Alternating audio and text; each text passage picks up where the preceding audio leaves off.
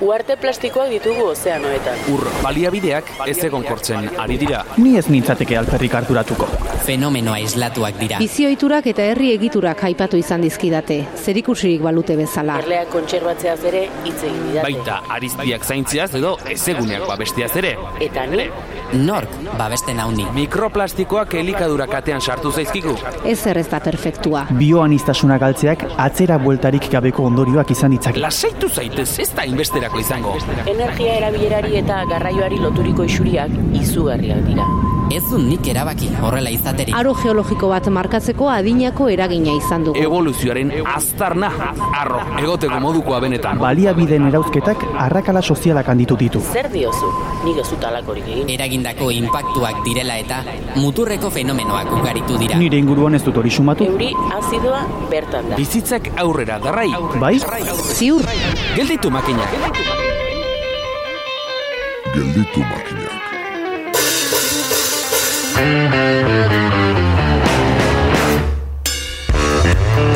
Badira kontu batzuk, heldu behar zeniekela konstiente izanagatik beste aldera begiratzen duzuna. Adibide ezagunenetako bat, alarma. Izan ere, hain tentagarria agertzen da atzeratzeko aukera, ez pentsa, badaude gehiago ere, besteak beste softwareak. Software libreen alde zaude, badakizu buru jabetza maila zibernetikora ere eraman behar dela, baina, ai, zeinen erraza den jada ezagutzen duzun Windowsa erabiltzea. Nonbaitetik astearren, Gorka Julio Talagios kooperatibako kidearekin bildu gara, ziber buru jabetzaren gainean hitz eta pitzaritzeko. Ez ikusiarena edo jakinezarena egiten diogun beste alor bat kutsadurarena da, zehazten hasizkero farmako kutsadura esaterako. Zer, medikamentuek kutsatzen aldute ba? Ez egin despistatu plantarik, saioa domingo farmazialaria eta ausakietzan debagoieneko esiko langilea datorkigu azalpen emaile eta. Borobiltzeko berriz, ezentzunarena sekula egingo ez diogun pilulagilea, oier etxebarria eta energia aholkuak. Gelditu makinak saioaren hogeita mairugarren atala ate joka dator eta bizkarra ematea ez da aukera bat.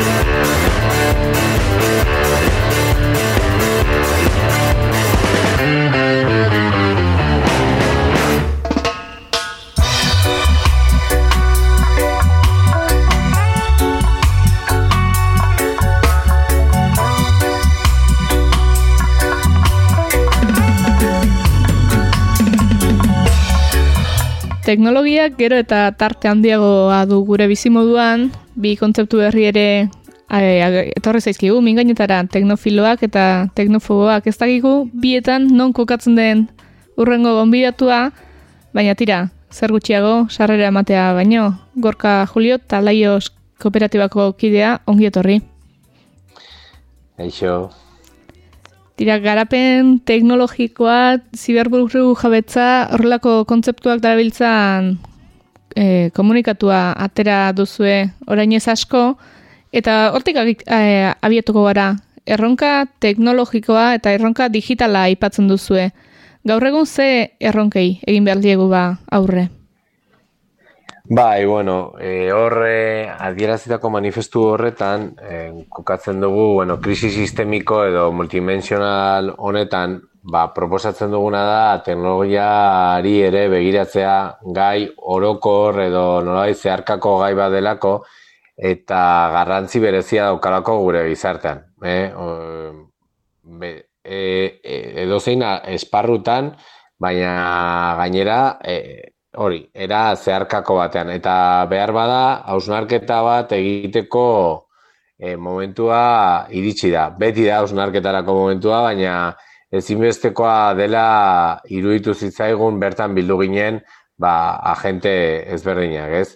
E, hezkuntza munduko agenteak, e, arlo sozioekonomikoko agenteak, bai, bai sindikatuak eta bai olatuko ekonomia sozialatzeko sarea, Eta baita ere, mm, teknologian eta teknologia buru jabetzaren perspektiban diardugun, ba, hainbat alorretako teknikari, garatzaile eta saltxero, ez? Eta hor, bueno, hainbat esparru detektatu genituen, bereziki e, lauetara mugatu dugu, baina bosgarrengo bat segurazki ere gehituko, gehituko zaigu, baina finean, e, ba, aldaketa guzti hauei, e, edo aldaketa edo teknologiaren bidez garatu edo gauzatu daitezken aldaketa guztiak pertsonen mesedetan jartzea dugu helburu nagusi bezala edo horri buruz hausnarketa egitea.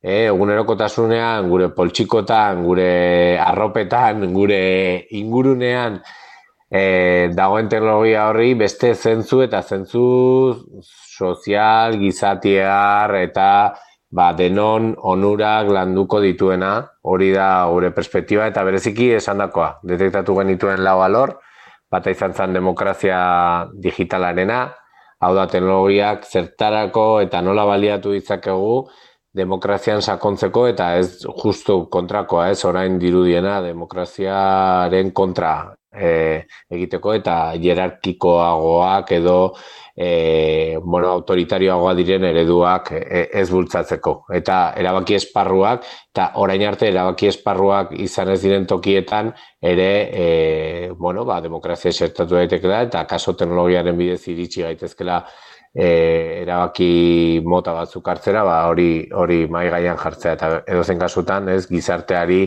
jendarteari ba, zerbitzura, jendatearen zerbitzua jartzea.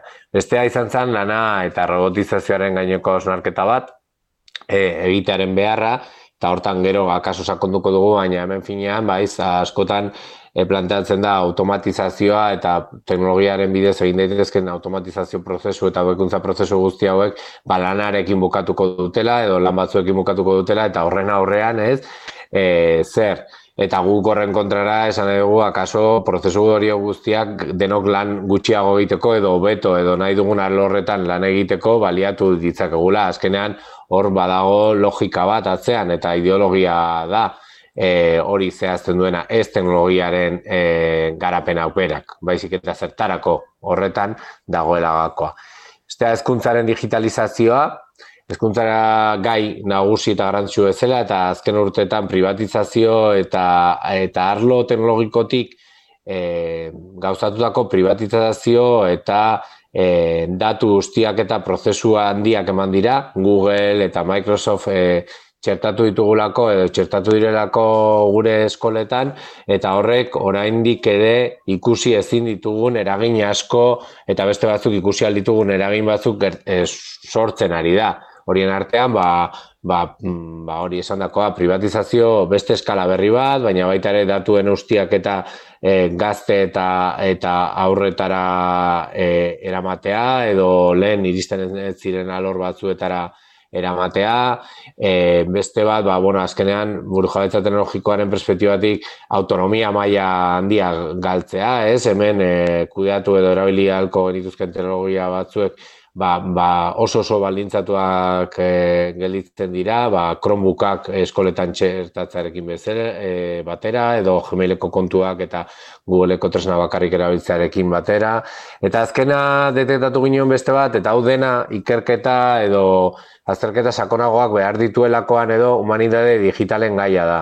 Humanitateak e, ba, gertatzen ari den guzti hau eta proposamenak egiteko klabe, klabe bezala. E, azken finean, jendea honetan pentsatzen jarri behar dugu eta humanitateek ba, baita ere bere ekarpena egin beharko dute e, gero eta gehiago, ez, teknologiari buruz hitz egiten ari garean, ba, iaia batzutan metafisikaz ere ari garela e, iruditu badezake, ez, abstrakzio maila altuko gauza asko e, e, gertatzen dira teknologiaren inguruan, eta orain adidez animen artifizialari buruz hitz egin beharko bagenu, ba hor gauza asko nastu egiten dira. Bueno, ba humanitate digitalak izan daitezke tresna bat hauek aurre ikusteko, pentsatzeko, lantzeko eta ordun gakoa iruditzegu ere humanitateak ere egotean honetan guztian.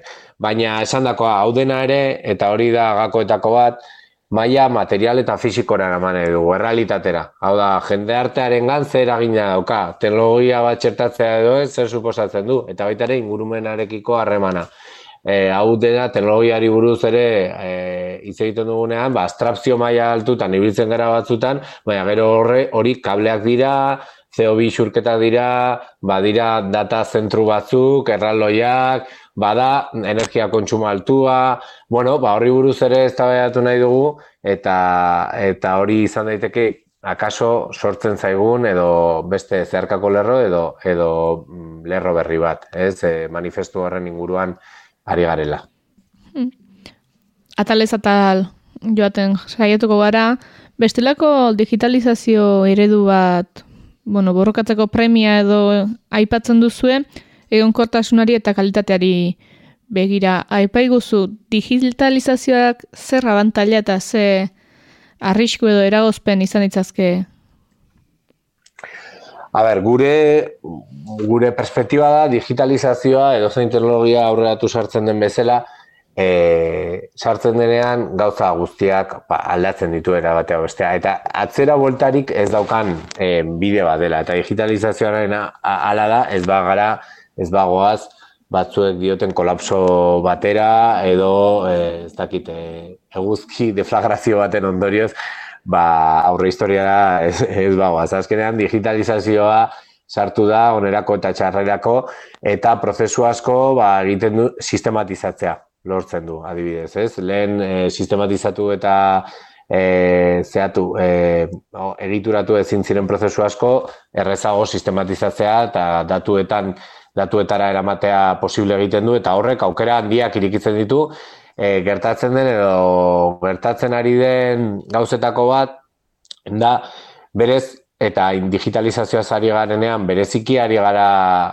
e, internetez, interneten garaira salto egin dugula eta internet sare banatuak dira. Bai, e, aurreko mendetako sare dezentralizatu edo sare, sare zentralizatu baino sare dezentralizatuetatik salto egiten ara sare manatuetara. Hau da, puntu batetik bestera informazioa eramateko bide asko daude eta era asko daude. Eta horrela eraiki zen internet eta horrek orain ere gure gizartaren gan eragin bat ere badauka. Horrek ez, ez du esan nahi teknologia batek baldintzatzen duela gizarte bat nolakoa izango den. Baizik eta gauza batzuk errezago edo zaiago egiten dituela eta internetek albidetu duena da ba, lehen zeuden informazio, bueno, olako enbutu batzuk, e, bueno, ba, mm, salto egitea edo aukera gotea mm, informazioa eta esan dakoa, ez datuen elkartruke hori beste era batera egitea. Ali berean, saiakera daude eta hori da alde txarra, nola bai, dezentralizazio edo e, sare banatuenen egituratze hori ematen azten denean, ba, berriro ere zentralizazio mailak eta monopolioak e, eta kontrol handiko egitura pribatuak eraiki dira, denok ezagutzen ditu, ditugu GAFAM edo Google, Amazon, Facebook, e, orain Facebook igual da, da meta ez, baina berdin du, eta baita ere, aipatu gabe zinuzti beste lekuetan, bai txinan zen Rusian beste realitate batzu bizi direla, eta nere horrelako erraldoi bat, erraldoia badaudela, eta horiek zentralizatzen ari direla e, gure egunerokotasuna. Eta ez gure onuraren gure meseetan, denon meseetan, baizik eta privatizatzen ari dira. Bai datu ustiak eta hori erabilizitekena gizarte eguntzarako beraiek kapitalizatzen dutelako eta erabiltzen dutelako merkantilizaziorako, edo bai kontrol egitura pribatu eta opako batzuk direlako, ez? E, inongo erabaki almin gabe aurkitzen gara horien aurrean. Eta hor hor arriskua, ez? E, egitura guzti horiek kontrol gabe e, ba, gure bizitzen eta gure digi, gure digitalizazioaren kargo egitea eta aldiz guk burujabetzaren perspektibatik ba, argi daukaguna da hori ba, bueno, borrokatu egin behar dela. Borrokatu egin behar da beste realitate batzuk sortzen, baina baita ere horiek salatzen eta, bueno, ba, eta proposamenak egiten ere eta hortan gaude informazioaren aroan bizi gintezkela esan daiteke zuk ere aipatu duzu e, internet ere bueno, zabalduta zibertsegurtasunaz ze zer aipatuko zen iguke nolako egoera da gaur egun? Zibersegurtasunaren bai Gertatzen zaigu askotan adibidez burujabetza teknologikoaren perspektiba esaten dugunean, burujabetza teknologikoa gu definitzen dugunean edo mm, erabili genezake akaso elikadura buru jabetzaren eskema antzeko bat, ez? Eta hau biak kanpesina proposatu zuen definizioaren olako itxuralaketa batekin izan ziteke nola. Eta irakurriko pixka bat, zen uste dut dela. Eta gero joango naiz, e, egindako galdera horretara, ez? Burujabetza teknologikoa herriek, komunitateek eta herrialdeek norbere ezaugarrien arabera modu ekologiko, sozialki, ekonomiko eta kulturalki egokia erabiliz bere sistema eragile, software, hardware, sare eta azpiegitura politika propioak definitzeko eskubidea dute. Teknologia eduki eta koizteko eskubidea barne hartzen du. Alegia, jende guztiak daukala, teknologia seguru, bizikarri eta kulturalki egokia eta teknologia ekoizteko baliabideak izateko eskubidea. Eta nork bere burua eta bere gizartea modu iraunkorrean eustekoa. Teknologia buru jabetzak esan nahi du, herriek eta komunitateek nagusitasuna dutela merka, e, merkataritza hauzien gainetik teknologia eta teknologien ekoizpena kontrolatzeko. Hori esan da, eta hori bali da gure teknologien perspektiba, askotan burua juten zaigu, teknologia buru jabetzaz hitz egiten dugunan, ba, dibidez bakarrik telekomunikazioetara. Eta nik esan nahi nahiko nukena da esparru asko zere zabalagoa. Azkenean honek ukitzen du iaia gure bizitzan teknologia zeharkatzen gaitu eta teknologia mota ezberdinak eta digitalak eta aurreratuak ere hor daude orientarteko, ba, ba, ikuspuntu zabal hori e, izan behar dugula. Eta ziberburu, jabe, ziberburu jabetzaren bezala, ba, zibersegurtasunaren esparruan berdin, ez? Askotan, zibersegurtasunari begiratzen badiogu, erasoak, e, bueno, ba, hor egon daitezken e, ba, gure softwarean dago den akatsak, virusak edo erasoak etortzen daizkigu burura, eta zibersegurtasuna ere bada, guk teknologia seguruak erabiltzeko e, aukera eta gaitasuna. Egia da, realitatea bat da, guk maila internazionalean zibersegurtasunaren perspektiba horretatik, ez, eh, beti erabiltzen den horretatik, ba, mm, ez bakarrik estatuen mailako gerra batean gaudela, baizik eta gero taraso gehiago daudelako, baina kontziente izan behar dugu ere, e, hor dauden, e, hori gertatzeko arrazoiak azkenean interesen berakoa dira. Egia da azken urteetan, lehen, ba, bueno, ba, best, era, beste erabateko logika funtzionatzen zuten, baina azken urteetan egia da, eraso horiek daudera bideratua dirua, dirua lortzea, edo baliabideak erasotzea, baliabide estrategikoak, estatuen arteko gerra, gerra horretan, ez, eta zentzu horretan gu ba, bat gehiago garela, eta orduan, bueno, hor, adibidez, ba, segurtasun perspektiba zabalago batetik, guri dagok batzutan ere kokatzen delako eztabaida gai hau maila individualan. Zer egin dezakegu guk eraso horiek ez jasateko eta bueno, izan daiteke eta horretarako egon daitezke zentru berezituak horta laguntzeko, maila baitaren neurri pertsonalak, ez? Ba, hor software librea bera erabiltzea e, neurri bat izan daiteke, pe, e, zenbait aplikazio beste batzuekin alderatuz, ba, seguruagoa dira eta horiek erabiltzea, ba, nik maila sozialean kokatu nahi, nahiko nuke. Eta teknologia segurua e, erabiltzeko erabiltzeko perspektibarekin. Bai segurua zentzu zibernetikoan, hau da, tresnak ondo eginak egotea eta erasoa jasateko arrisku gutxi izatea, baina baita ere e, ikuspuntu sozial batetik, jendeak eroso eta e, lasai erabili ditzan e, dituen teknologiak. E, eta bere jakinda, erasotuko ez dietela. Ez datu guztiak eta bat gertatuko, datu guztiak eta gertatuko ez diren e, e, aplikazioak izatea, adibidez, edo gero datu horiekin ez dakiz zer egiteko e, aukera gongo dela, bueno, ba, hori ziurtatzen du, duenak ere, e, ba, segurtasun, e, zibersegurtasunaren perspektiba e, marko horretan kokatuko nuke. Eta uste dut hor irakurketa batzuk falta ditugula. Eh? E, ze bestea lantzen, lantzen ari da, eta gai tekniko bat da ia e, bere osotasunean, baina beste parte hau, teknologia seguruarena eta gizartearentzako jendartearentzako segurua izatearena, hor badugu zer, e, zer egin eta zer esan eta teknologia segurua garatze horretan, zer dugu esateko, ze komunitateak ze bide emateko, bueno, premia dauka? Ba, hor faltada, denetik faltada. Ez lehen aipatu ditugun hezkuntza mailako hezkuntza mailan adibidez, e, e, uste dut, ba, netzako referentziala da Exnet izeneko elkarte batek, ba, Bartzelonan eta Katalunian egindako ekimen bat, no beraie planteatzen dute Google tresnei alternativa oso bat eskaintzea software libreko tresnak oinarritu software libreko tresnetan oinarrituta eta horiek integratuz errealitate bat dena piloto bat egin dute hiru hiru eskoletan gaina era ezberdinetako eskolak izan dira hori errealitate bada eta horrez hor lantzen ari direna, niretzako baita ere dauka, zer ikusi zuzen dauka zibersegurtasunarekin zen. Ematen ari dira eskoletara, nun e, Google eta Microsoften bereziki e, datu ustiaketarako gune bihurtu diren gure eskolak, ez hor txertatuz Google Classroom eta eta horrelako tresnak eta Chromebookak eta bar eta bar eta bar.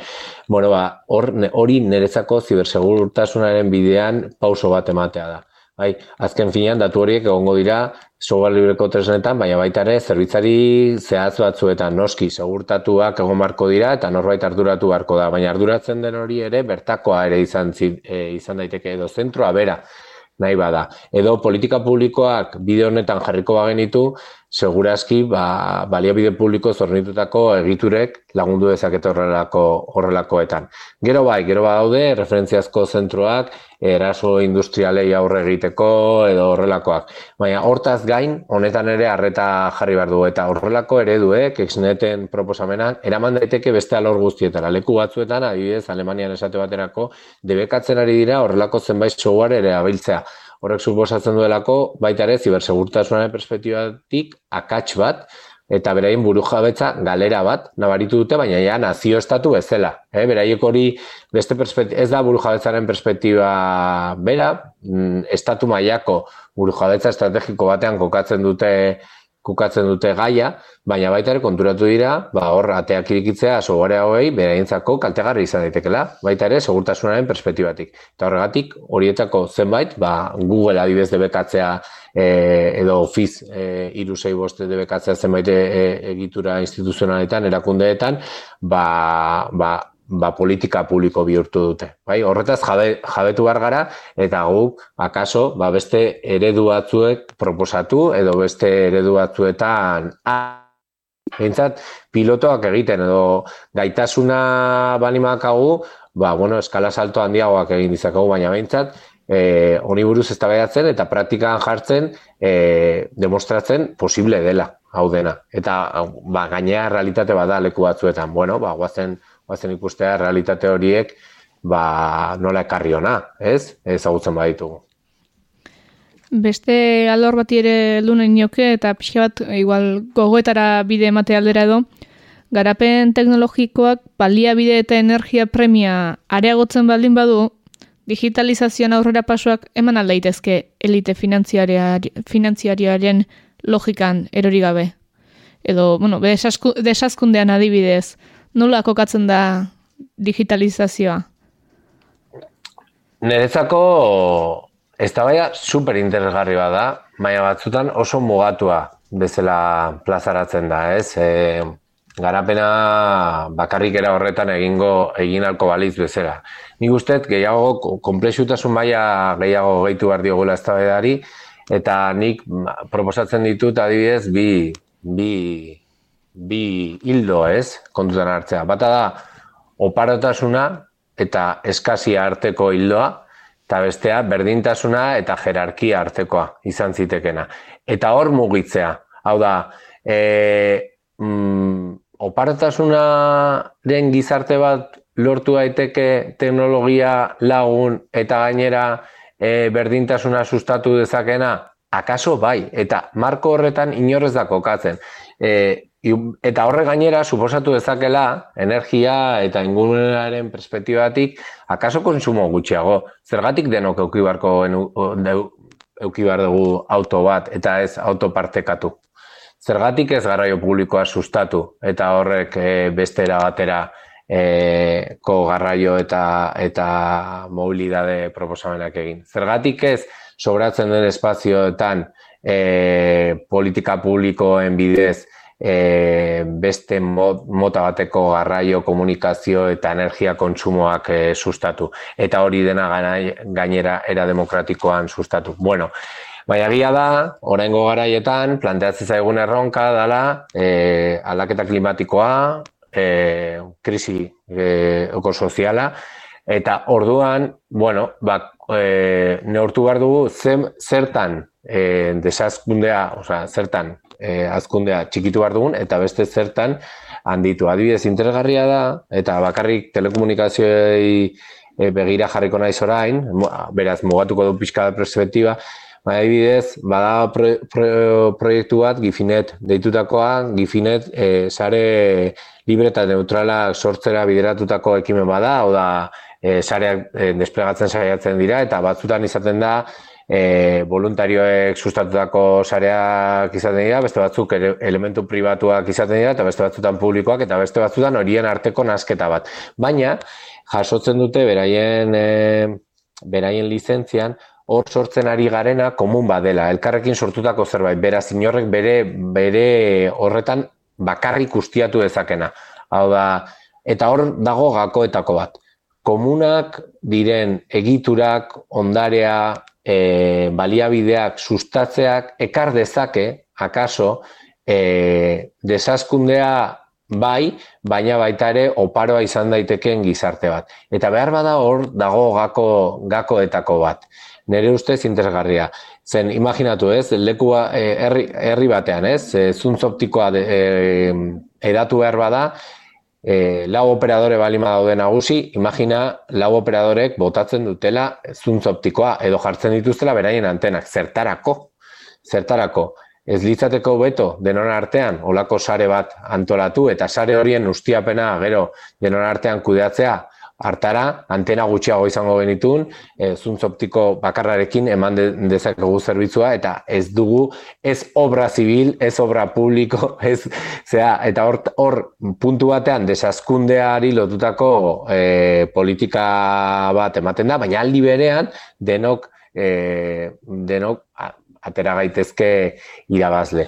Hori da bat, gakoetako bat nezako, beste bada, e, uste burjabetza, edo ziur burjabetza ikusi behar degula ere kapaka. Eta kapa, kapa ezberdinak e, kontutan hartuz, iru, bueno, ba, estrategia ezberdinak e, ukiditzako gula. Kapa bat izan daiteke azpigiturena, bai?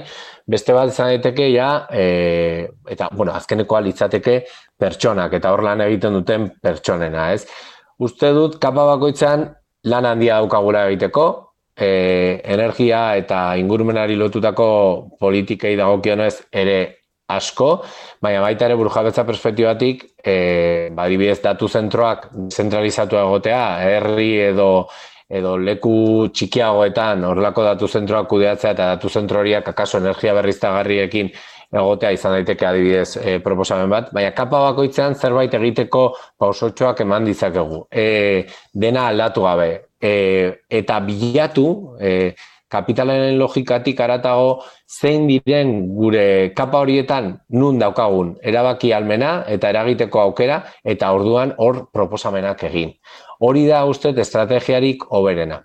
Eta hola, honi lotuta eta pertsonak eta lana e, aipatu nahiko nuke edo ez nuke aztu nahi. Eta hor uste erronka handienetako bat da e, orain automatizazio adimen artifizialari lotutako eztabaida guztietan agertzen delako da lanaren izaerarena. Lana gure gizartean kriston garrantzia dauka ez? Lanaren bidez e, egituratu dugu nolabait gure gure izateko era askotan. Eta niretzako interesgarriagoa da adibidez e, Peter Freisek egiten duen azterketa hiru dimentsiotan oinarrituako azterketa bata da lana da bizitza irabazteko nolabait esateko, ez? Janaria edo gure bizitzeko eralortzeko bidea, ez? Alde batetik bai, hori da. Bestea da beste bizioa da gizartean ezinbestekoa diren lanak, bueno, lana ezinbestekoa da e, me, gure gizartean gizarteak aurrera egiteko eta beraz hori ere bada lana. Eta hirugarrena e, zentzua, gure bizitzei zentzua ematen dion zerbait da. Bueno, hiru horietan zerbaitean eragin badezakegu e, hirugarren horretan da. Segurazki, behiratu behar dugu lanak ze paper jokatuko duen hogeita bat mendean e, gure gizartetan. Eta gure bizitza, osea, bizitzaren zentzua horren inguran eraiki baino, bizitzaren zentzuan eraikitzea dagokigu. Bakiten rebesatua dela esalia, baina uste dut hor dakoetako bada hola. Guk lanaren buru jabetza deitzen diogu, bai? Beste buru jabetzaren maietan kokatzen dugu gu, e, lanarena ere bai, eta teknologia buru jabetza egiten dugun bezala, lanaren buru jabetza ere gakoa da. Eta uste dut gakoa dela baita ere maila filosofikoan, ideologikoan edo eralaketak bultzatzeko estrategia, estrategia bezala. Lana, lanari ze parte, ze tarte ematen diogun gure gizartean. E, teknologiari lotuta mm, e, badirudi ez dagoela teknologiari lotuta zuzen zuzenean, baina uste dut zehazki e, hau nolabait konponduko bagenu edo resolbituko bagenu ba, gauza asko bideratuko genituzkela. Ziur baiet, e, Gorka Julio Talaio Eskoperatibako kidea eta Euskal Herria Digitala bueno, e, txostenaren egiletako bat, mila esker gurean izateagatik eta horrelako ekarpenak eginez, ba, bueno, ez eta gogoetarako guneak sortzen segidezazuela, buru jabetzan aurrera pausuak emanez. Ba, eskerrik asko zuei hitz emateagatik. Ongi izan. Gelditu makinak. Naiz irratian, Eli Pagolarekin.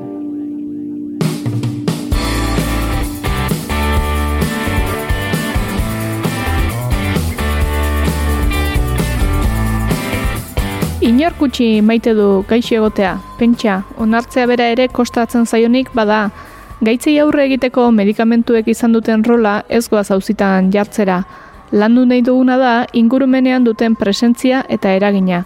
Izan ere gero eta ohikoagoa zaigu farmako kutsedura hitza. Parez pare dugu saioa domingo farmazialaria eta gaiaren gaineko tesi egiten dabilena ongi etorri saioa. Eskerrik asko bai. Tira zuzenean mamira joate aldera farmakoek konposizioari dagokionez zerk egiten ditu kutsagarri.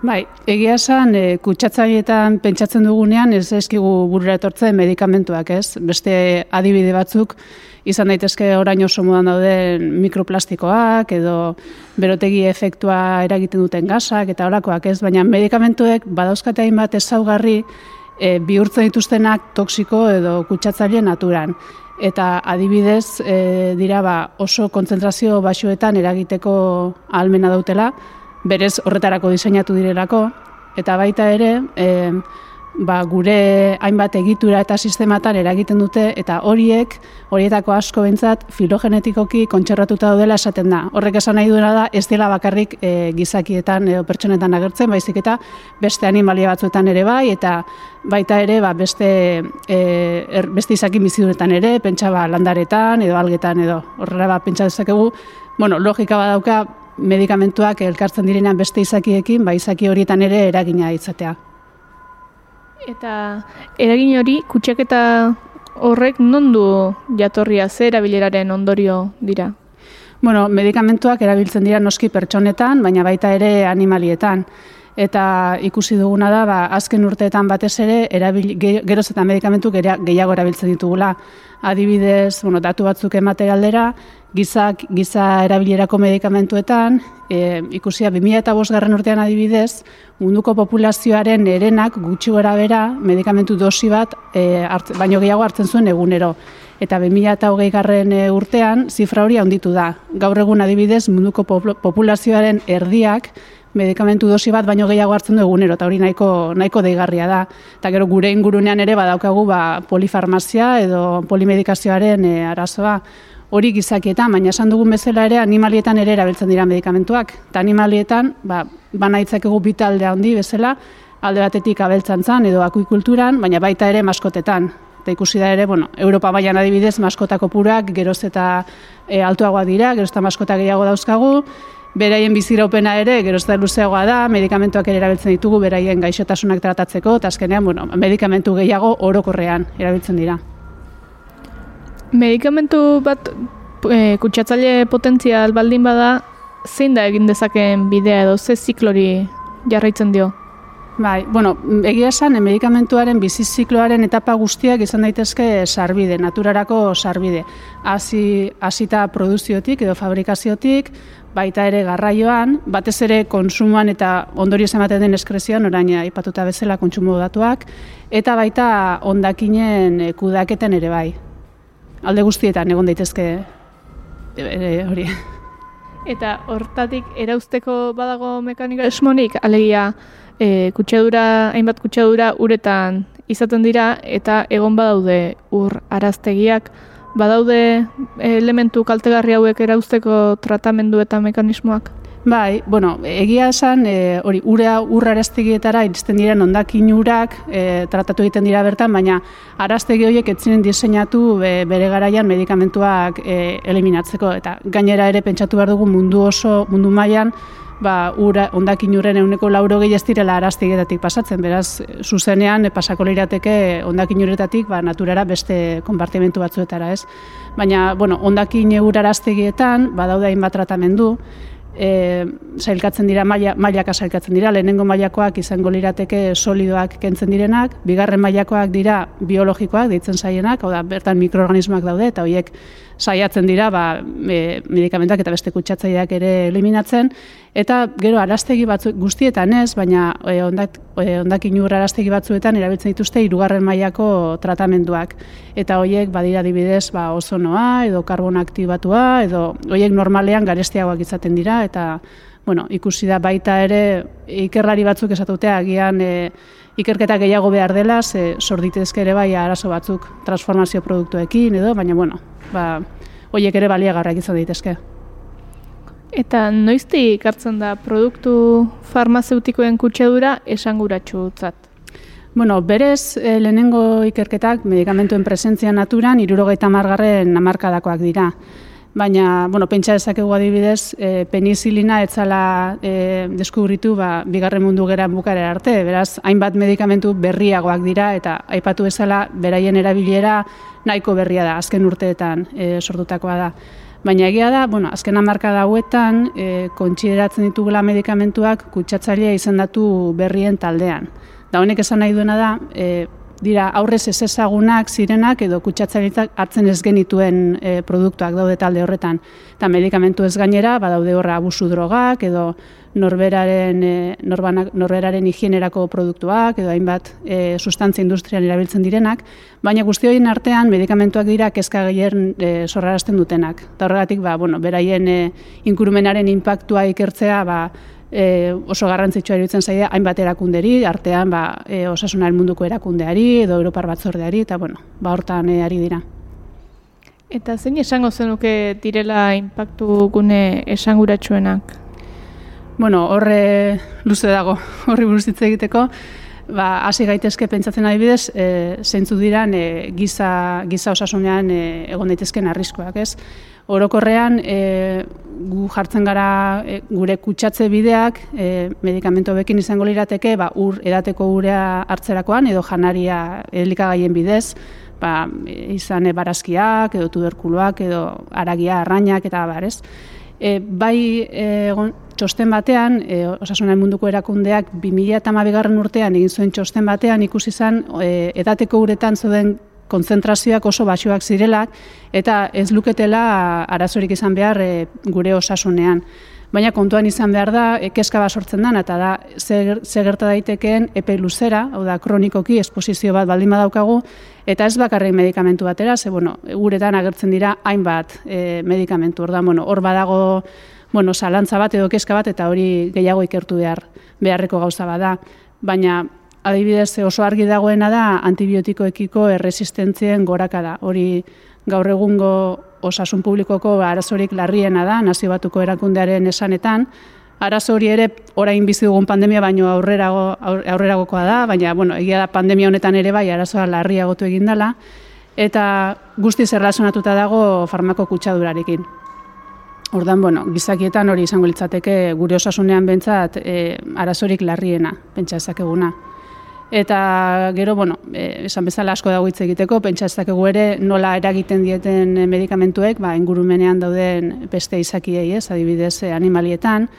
E, nik uste, bueno, adibiderik esanguratsuena edo ezagunena behintzat, da estrogenoak, hormona estrogenikoek e, nola eragiten dieten arrain batzuen ugalketari ez? Eta hortan e, egon dira esperimentu batzuk, adibidez Kanadan, han laku pila bat dauzkate, eta bueno, laku batean zuzenean etin estradiola bota zuten, eta ikertu zuten, ikusi zuten handik bi urtera arrain baten populazioa guztiz desagertu intzala. Hau da, e, hormon estrogeniko hauek zuzenean eragiten zietela beraien, bera, bueno, hile, hilarazten zituzten, ez? Eta e, ikusi zuten, bueno, esperimentua aurrera joan enean, ikusi zuten arrain txiki horietaz elikatzen ziren beste arrain batzuen populazioa ere jeitxe egin zela, ez zukatelako zer jan. Eta baita ere, arrain txiki horiek jaten zituzten algak, horiek ba, asko e, hasi egin zirela, ez? Ordan desoreka bat sortzen da azkenean ekosisteman. Eta, bueno, hori behar bada hori da estrogenoena behar bada igual ezagunen egiten zaigun adibidea, baina badago beste bat, berez e, katastrofe ekologiko bat e, esan dezakegu dela, behintzat e, gertatu denetariko okerrena dokumentatuta dagoena behintzat, eta hori gertatu zen e, mende honen hasieran, Asian, e, Pakistan eta India inguru horretan, e, ikusi zuten ba, sai, sai, ale, e, sai espezie batzuen ale heldu eta gazteetan, ba, bueno, ale horiek hile egiten zirela, ez da etzekiten zergatik zan, hasieran pentsatzen zuten, ba, behar bada virusen bat engatik izango zala, edo, baina, bueno, ba, ikertzen hasi ziren, eta ikusi zuten azkenean erruduna, abeltzantzan erabiltzen den diklofenakoa dela. Diklofenakoa edo, e, bueno, behar bada voltaren izenarekin ezagunagoa dana, eta hau da antiinflamatorio ez esteroideo bat, Eta egia esan asko kostatu zitzaien jakitea erruduna zein zan, ze berez e, kutsatze bila, e, kutsatze bila nahiko ezustekoa bezalakoa da, ez? Kuriosoa da. E, gertatzen zana zan, bertako, bueno, herrialde horietako behiei e, tratatzen ematen zieten diklofenakoa, e, tratamendu bezala, behi horiek hil egiten zirenean, beraien gorputz hilak, e, bueno, sarraski jaleek jate dituzte, eta badakizunez, ba, saiak sarraski jaleak dira, Eta orduan, behiei ez zieten kalte egiten diklofenakoak, baina saiei bai, eta eriotza sortzen ziren zuzenean, ez? Eta honek, ba, bueno, hori da ondorio zuzena, diklofenakoa saietan ba, hilgarria da. Baina baita ere, giza osasunean ere, eragina, zeharkako eragin bat ere ikusi zen. Eta gertatzen zena zen, nola behien gorputziloiek e, ez dituzten saiek jaten, ba beste harrapakari batzuk e, handitu ziren, ez? Gehi, e, gehiago ikusi ziren, ba arratoiak eta eta txakur basatiak adibidez. Eta orduan hauek transmiti dezakete gizakietara gaixotasun batzuk. Arratoiek adibidez leptospirosia eta e, txakur basatiek errabia. Orduan ikusi zuten pertsonetan gaixotasun horiek e, gorakada bat ikusi zuten. Eta gainera, arazo gehiago zeuden, horren atzetik, gainera, e, bueno, gorputziloiek e, nola baita eliminatu behar zituzten, sarraski jaleak espaldin badaude, e, norbaitek endu behar ditu, ez? Ordan hortan e, dirua inbertitu behar zuten, eta bueno, kamioiak eta erabili, ordan CO2 isurketak ere bai, bueno, ikusten dugu azkenean medikamentu, albaitaritzen erabilitako medikamentu baten erruz, ba, saien populazioa beradoa, eta hainbat arazo, bai, e, gure gizakien osasunean eta ingurumenean, ez? Hori, Adibide nahiko polita da baita ere e, osasun bakarraren kontzeptua edo ingelesezko One Health kontzeptua e, sartzeko, ez? Bertan esaten dana da erlazionatuta daudela bai e, gizakien osasuna, animalien osasunarekin eta ingurumenarenarekin. Dena elkar batera jun beharreko zerbait dela. Tira, beraz, badakigu zeren aurrean gauden, eta zein dira hartu behar lirateken neurriak Bueno, neurriak e, berez e, medikamentuaren bizi zikloaren etapa guztietan hartu beharreko neurriak izango lirateke eta beraz bertan parte hartzen duten eragile guztiak egon beharko lirateke ba, neurri horietan, ez? Parte hartzen bentsat. Eta adibidez herberetan proposatu dute kate estrategia bat farmako kutsaduraren aurka egiteko eragile guzti horiekin, baina beraiek definitu dute farmako kutsadura arazo gaizto bezala, ez? Berez e, oso zaila dela, konponbide zaila daukalako, ze hainbat eragile daude medikamentuen e, bizizikloan, eta batzutan interesak ere kontrajarriak dira. Ordan, bueno, batzutan zaila izaten da. Baina ez dakit neurri batzuk aipatzearren adibidez hitz egin dezakegu diseinu berdeagoan, ez? E, sortzea medikamentuak biodegradagarriagoak direnak eta hau egia esan oso lan oso polita ematen duen gauza bada, baina berez eh, nahiko zaila izan daiteke sustantzia guztiekin e, ezingo litzateke egin ze, biodegradagarriago bihurtzerakoan ba, molekulan ezagarriak ere aldatu egiten dira, eta orduan ba, bueno, ikusi beharko litzateke hori be bai ba, ba, segurtasun aldetik ere nola, nolakoa izango litzateken. Eta egia esan, e, giza erabilerako medikamentuetan, 2005 garren urtetik aurrera, e, Europan adibidez eskatzen da e, txosten bat egitea, far, e, beraien ingurumeneko inpaktuari buruzko txosten bat. Baina txosten hori gero ez da horre erabakitzen dena edo ondori estatzen dena ez da aintzat hartzen erabakiak hartzeko, hau da medikamentu bat bainentzeko edo ez, edo finantziatzeko edo ez. Hau ez da gertatzen adibidez e, abeltzantzan, abeltzantzako medikamentuekin. Horietan ikusten baldin bada ingurumenerako arazo larria sor daitekela, ba, behar bada medikamentu hori ez da baimentzen edo muga edo restrikzio batzuk ipintzen zaizke, baina bueno, giza erabilerako medikamentuetan momentuz eskatu bai eskatzen da txosten hori, baina gero ez da kontuan hartzen erabakiak hartzeko momentuan da. Honek behar bada ba industria ez du hainbeste motibatzen, e, ez da farmako berdeagoak sortzeko garaian edo, Baina, bueno, egia da baita ere ematen ari lapauzu batzuk hori aldatu alizateko, eta, bueno, hemendik etorkizunean behar bada, ba, hori, ikusiko dugu horrek faktori hori importantea izan daitekeela. Eta, bueno, neurritaz, e, neurri gehiago ere, neurri pila bat, ez? Beste bat adibidez, izango litzateke e, medikamentoak e, zentzuz erabiltzearena.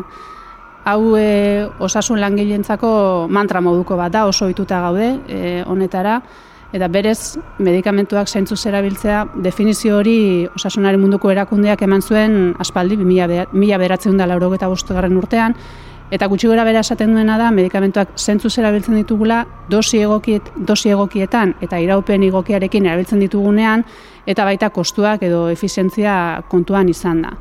Eta bueno, normalean medikamentuak zentzuz erabiltzen baldin baitugu, ba, segurazki gutxiago erabiliko ditugu. Lehen aipatu bezala hemen gure ingurumean, ba, polifarmazia edo polimedikazioa arazo bat izan daiteke. Ordan zentzuz erabilita, behar bada ez egokiak diren medikamentuak ez ditugu erabiliko, eta beraz, medikamentuen erabilera nolabait murriztu, murriztu dengo litzateke. Eta hori ere, ba, ikusten dugunez, ba, e, naturarentzako ona izango da. Ez genuen beste arrazoirik behar egia esan medikamentuak zentzuz erabiltzeko, baina, bueno, ba, hor ere beste arrazoi bat ere badago, ez?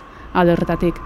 Motivazioa aipatu duzu pixka bat lehenago, eta hortaz ere galtu nahi nizuke, motivazioaz gain posible da medikamentu e, jasangarriagoak ekoiztea euren efikazia murriztu gabe?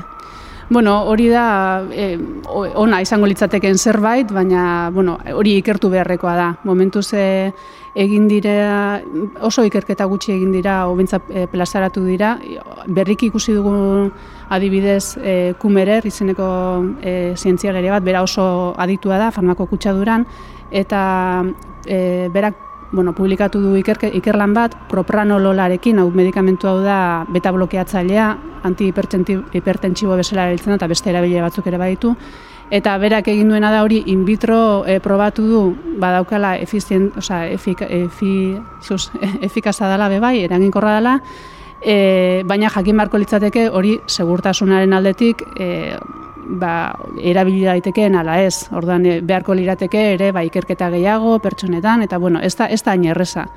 Baina bueno, berez e, egia da ba, ona izango litzatekeen zerbait badala. Hortan ikertu beharreko zerbait. Ba, balduzu, gehitzeko besterik mikroa zabaldik utziko dizut.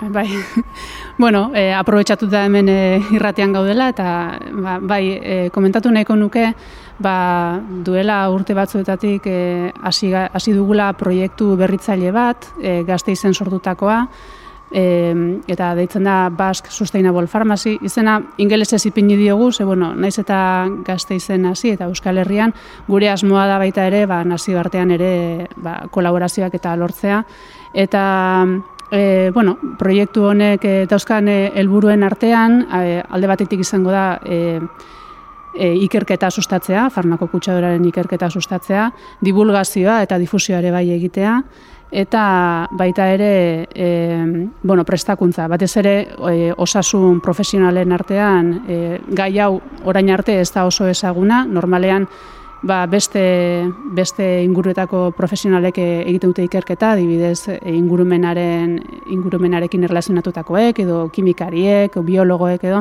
baina pentsatzen dugu osasun langileok ere bai, edo profesionalok ba, sartu bar garela e, kontu honetan, ze berez, bueno, ba, guk ere medikamentuak erabiltzen ditugu, eta eta konponbidearen zati bat ere izan behar da, eta ordan, konponbidearen zati izateko lehen arazoa ulertu behar da, eta ba, ulertzeko ba, bueno, formazioa eta kontzientziazioa ere garrantzitsua da. Eta, bueno, aipatu nahi nuke ere ez garela ez da gutxiago ere ez bakarrak, ez e, lehenak farmako kutsaurari buruz e, lanean gaudela hemen, baina bai behar bada e, gure berezitasun bat izango da e, gu farmazialariak gara eta beraz e, osasunaren mundutik gatoz, orduan ba, lehen aipatu den bezala, orain arte nola ikerketa egin izan den beste arlo batzuetan, ba, pentsatzen dugu gure ikuspuntua ere, bueno, bateragarria izango dela eta eta aberasgarria ere besteekin e, lankidetzan egiteko. Bestalde ere, aprobetsatu nahiko nuke esateko, ba, e, osasun profesionalen prestakuntzarako ere antolatu dugula gradu ondoko titulo bat eta datorren ikasturtetik aurrera prest e, egongo dela eta norbaitek, bueno, nahiko balu ba gonbidatuta zaudete bertan parte hartzeko eta horren informazioa ba, e, Euskal Herriko Unibertsitatearen webunean daukazuela. Ba, saioa Domingo farmazialaria eta farmako kutxe tesia egiten zabiltzana, mila mila esker gurean izateagatik eta gaia hain finlantzeagatik. Mi esker zuei. Eli pagolarekin geldituko dituzu makinak naiz irratian. Energia holkuak goien erren eskutik.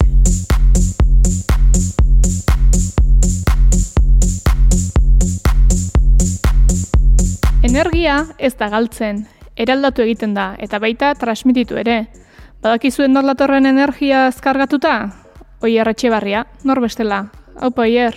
Zaldeon. Ea da, zurea da hitza. Bueno, ba, gaur berbain bihotzuet energia komunidadiai buruz. E, energia komunidadiak dielako gure ustez e, norbanakoak, herritarrak, e, dendarixak, e, enpresa txikinak, e, informatzeko eta formatzeko eta ahalduntzeko eta energiaren merkatuan, energiaren inguru hortan, e, ba, pausuak emateko eta e,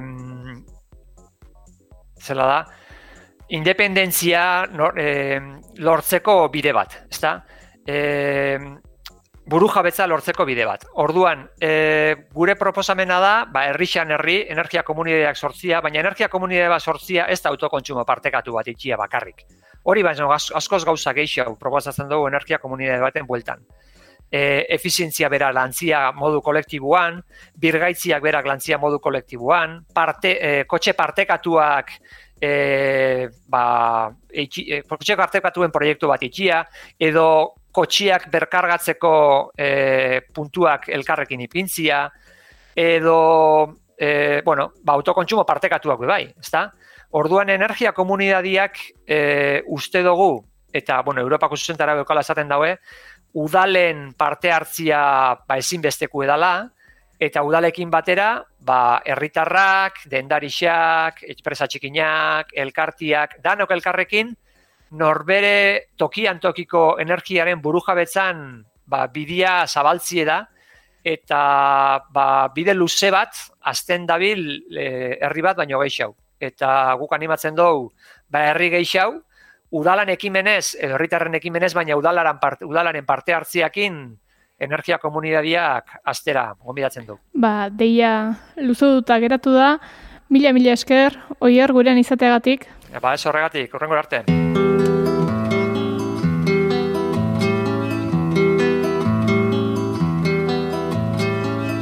Onaino, hogeita amairu garrenak eman duena, datorrenean elkartuko garelakoan, aio entzule.